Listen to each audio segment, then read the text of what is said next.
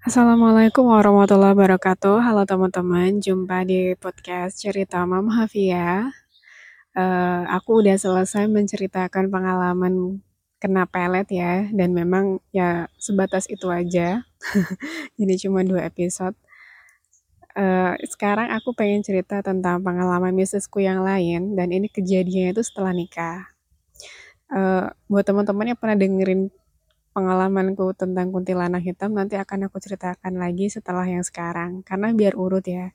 Jadi yang pertama tuh aku mengalami kejadian mistis memang waktu kuliah. Itu kena pelet itu. Sebenarnya masih ada lanjutannya sih teman-teman. Jadi kayak setelah aku udah bahas ya di episode kedua. Jadi aku tuh ketika peletnya mungkin peletnya si om gak begitu ngefek ya.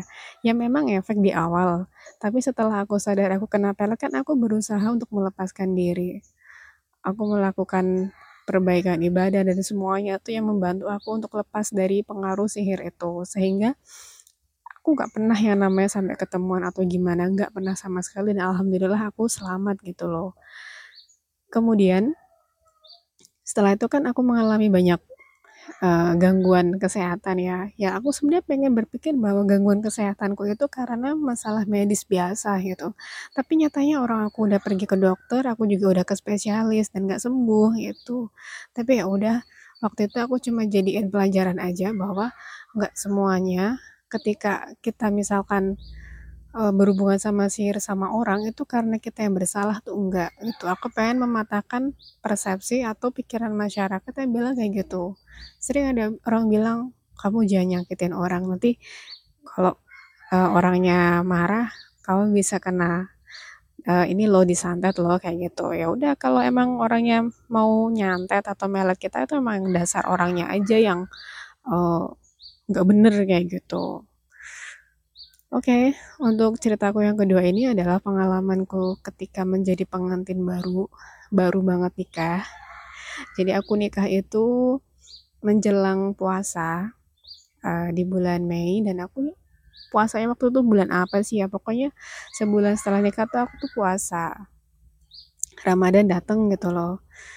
Nah, ketika udah puasa nih, ada yang aneh teman-teman.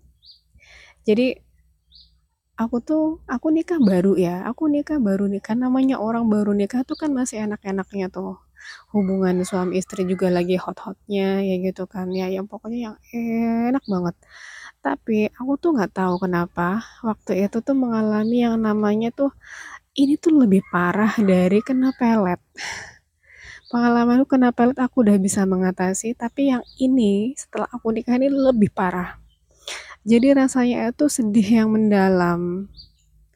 Aku tuh sama suamiku tuh baru sebulan nikah, aku sedih yang mendalam. Aku tuh rasa tuh nggak betah, pikiranku tuh sumpek. Bahkan ketika suamiku megang aku aja tuh aku tuh rasanya tuh jijik setengah mati. Bayangin. Padahal waktu itu nggak ada pemicunya sama sekali loh. Suamiku tuh nggak melakukan kesalahan apa pun dan aku juga nggak merasa ada yang salah di antara kami. Nah tapi ini tuh lebih parah teman-teman. Jadi pikiranku menyadari ini aku tuh kenapa? Ini aku tuh kenapa bisa sampai kayak gini rasanya? Ada apa? Pikiranku menyadari kayak gitu.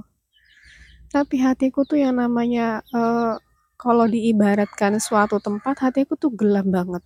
Gelap sama sekali nggak ada penerangan. Sedih luar biasa. Nah pada saat itu ya teman-teman yang terjadi itu adalah aku tuh sering mimpi didatengin cowok. Aku nggak kenal cowoknya siapa. Dan pernah di satu kali mimpi itu aku ingat banget tempatnya itu di rumah mbahku aku tuh sering loh mimpi kejadian mistis tuh di tempatnya tuh di rumah mbahku aku nggak tahu kenapa. Sampai sekarang aku nggak tahu misterinya. Nanti akan aku ceritakan banyak pengalaman mistisku. Dan semuanya itu selalu berkaitan berhubungan dengan tempatnya tuh di rumah mbahku. Jadi aku waktu kecil tuh ikut sama mbahku. Nah itu mbah yang mbah yang aku ikutin kan mbahku ada dari pihak bapak sama ibu nanti dari pihak ibu. Aku lanjut ya. Jadi aku tuh sering mimpi ketemu sama laki-laki. Bahkan pernah di satu kali mimpi itu aku tuh dilamar sama orang ada orang banyak gitu ya, mereka tuh pakai baju kerajaan gitu, tuh mereka datang untuk melamar ke rumah ke rumah Mbah waktu itu. Nah, udah. Terus setelah itu beberapa kali itu aku mimpi ketemu sama laki-laki, pengen ngajak main. Jadi ada yang settingannya tuh di taman. Aku diajak main uh, roller coaster kayak gitu di taman bunga. Itu, tapi di dalam mimpi tuh aku nggak yang seneng apa gimana gitu sama orangnya tuh enggak. Cuman gitu. Nah, akhirnya kan aku menyadari itu ya. Jadi itu jadi hampir sama kayak kena pelet. Pikiran itu sebenarnya tuh masih bisa jalan. Pikiran kita tuh masih bisa, logika kita itu jalan. Ketika hati merasakan yang nggak enak itu tuh jalan. Nah, tapi pekat banget, gelap banget gitu loh. Uh, bedanya sama kena penyakit aku pernah sih waktu pandemi itu aku kena kayak semacam gangguan kecemasan gitu ya. Tapi itu kalau misalkan aku tarik nafas gitu, aku mencoba untuk menghadapi masalah, apa yang aku takutkan aku lakukan itu bisa. Tapi waktu itu nggak bisa, bener-bener berat banget tuh rasanya tuh. Akhirnya kan aku coba browsing ya.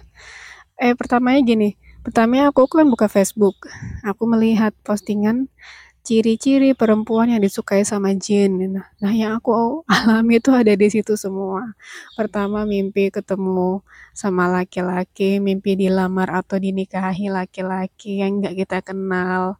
Terus juga uh, jadi benci sama suami, jadi sering sedih, melamun kayak gitu kan.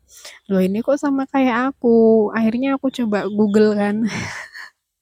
aku coba Google ternyata emang bener gitu Terus tapi waktu itu aku memang nggak yang berurusan sama ustadz, aku juga belum kenal sama yang namanya rukyah, kayak gitu tuh aku belum tahu.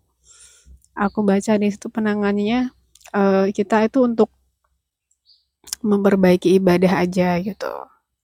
Soalnya dulu waktu dulu waktu di Bekasi tuh aku pernah kan aku dulu rutin bekam. Nah aku tuh sering merasa nggak enak waktu sholat gitu kan. Terus aku bilang sama terapis bekamnya mbak aku pengen apa aku pengen rukyah dong gitu. Dibilangin sama dia sebenarnya ruka terbaik itu diri kita sendiri. Cukup jaga sholat aja zikir baca Al-Quran. Nah waktu itu aku ngomong sama suami. Ya emang waktu itu aku sering marah kan jadinya kan sama suami.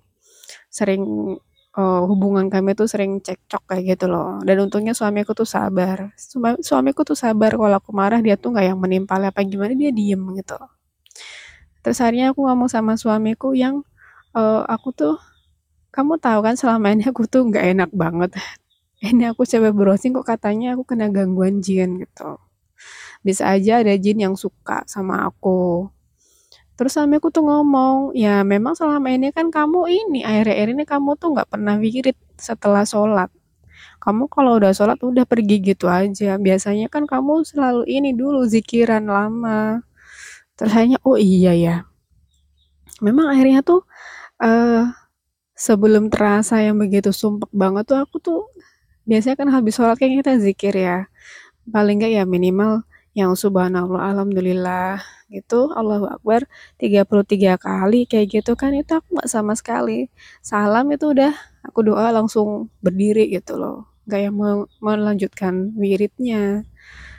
Oh iya ya akhirnya aku menyadari itu. Ya udah akhirnya uh, aku baca Al-Quran aku perbaiki. Jadi setiap kali aku pengen langsung berdiri setelah sholat aku tahan diri. Jangan jangan. Kamu harus membaca zikir dulu. Aku bilangnya gitu ke diriku sendiri. Terus juga aku baca penyebabnya itu karena e, bangsa jinnya itu bisa aja suka. Kan di mimpiku itu aku kan dilamar sama orang yaitu berarti tandanya ada jin yang suka gitu.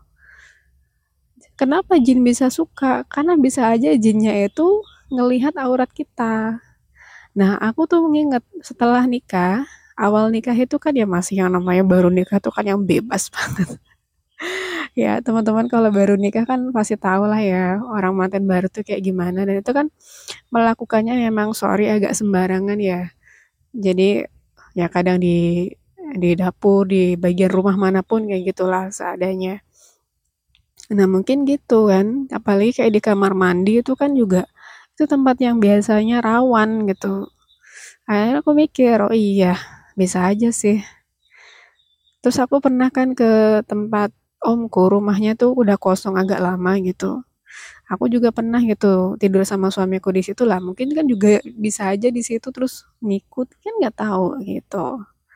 Akhirnya udah setelah saat itu aku uh, setiap kali tidur pun aku selalu pakai celana. Jadi paling nggak tuh celana pendek gitu sampai lutut gitu aku selalu pakai. Aku nggak pernah di rumah yang namanya cuma apa uh, daster terus CD kayak gitu nggak pernah sama sekali. Jadi selalu ada daleman rangkap gitu. Meskipun di rumah cuma ada aku sama suami, aku kalau tidur selalu pakai tambahan gitu. Dan akhirnya ya udah terpecahkan selesai. gitu ya teman-teman. Jadi uh, yang seneng sama kita itu bukan cuma dunia nyata orang-orang laki-laki yang bisa kita lihat secara langsung tapi bisa aja yang yang nggak bisa dilihat itu yang lebih nyebelin. Repot banget buat ngatasnya tuh karena ya enak aja mereka uh, semena-mena ya. Kita ya nggak suka kita apa tapi mereka bisa ngelihat dan mereka bisa masuk ke mimpi kita gitu untuk mengajak kita berhubungan dan sebagainya. Alhamdulillah aku bisa lepas dari itu sebenarnya aku tuh lumayan lumayan sering ya mimpi disenengin sama jin aku juga nggak tahu banyak sih, tapi ya ini aku ceritanya ini aja. Banyak aku sering pokoknya tuh pernah waktu itu aku sampai uh, uh, baru pindah kosan kayak gitu ada mimpi disenengin juga. Wah, pokoknya tapi kalau disenengin jin masih enak. Kita masih yang uh, dengan jaga sholat kan kalau manusia gini gini ya bedanya antara disenengin jin sama manusia. Kalau manusia kan ngirim pelet kayak si Om Duda itu. Nah ngirim nih sihirnya kan kita udah kita lawan gitu dia kan masih bisa ngirim lagi ngirim lagi ngirim lagi kayak gitu. Sampai secapeknya dia sampai serelanya dia buat ngelepas.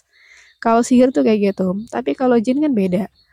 Jin itu kan uh, masuk ke kita terus juga terserah kita gitu kalau kita lawan dan dianya lemah di badan kita dia keluar ya udah selesai nanti akan nunggu waktu kita lengah lagi kayak gitu jadi sebenarnya lebih lebih mudah diatasi kalau kita disukai jin secara langsung. Itu kalau kita sadar. Ini ya teman-teman asal kalian tahu ini sekarang aku posisinya ngomong ini aku di kebun, ini aku di bekas eh pohon rimbunan pohon bambu. Jadi di rumah mertuaku tuh di belakangnya tuh tadinya ada rimbunan bambu. Eh apa ya kebunnya luas sih tadinya tuh ada rimbun bambu gitu banyak banget dan ini tuh udah di tebang dihilangin. Sekarang aku lagi ngomongnya itu di sini. Di bekas rimbunan bambu belakang rumah bapak mertuaku. Dan padahal waktu rimbunan pohon bambunya dibongkar itu banyak banget pusaka. Ada keris yang kecil itu, terus semar mesem ya namanya ya. Terus batu-batu, uh, apa namanya batu-batu itu loh cincin uh, batu-batu itu udah yang buat cincin gede-gede itu loh yang kayak bapak-bapak itu. Terus ada bambu apa yang bercabang itu pring apa sih namanya tuh yang kalau dijual katanya mahal itu itu di sini dan aku mulai rasanya mulai nggak enak jadi udah aku akhiri terima kasih akan aku lanjutkan cerita pengalaman kena mistis berikutnya uh, jangan lupa untuk support di samaria.co slash mamhavia uh, kalau yang nanya rekening uh, nanti dulu deh. Oke, terima kasih. Assalamualaikum warahmatullahi wabarakatuh.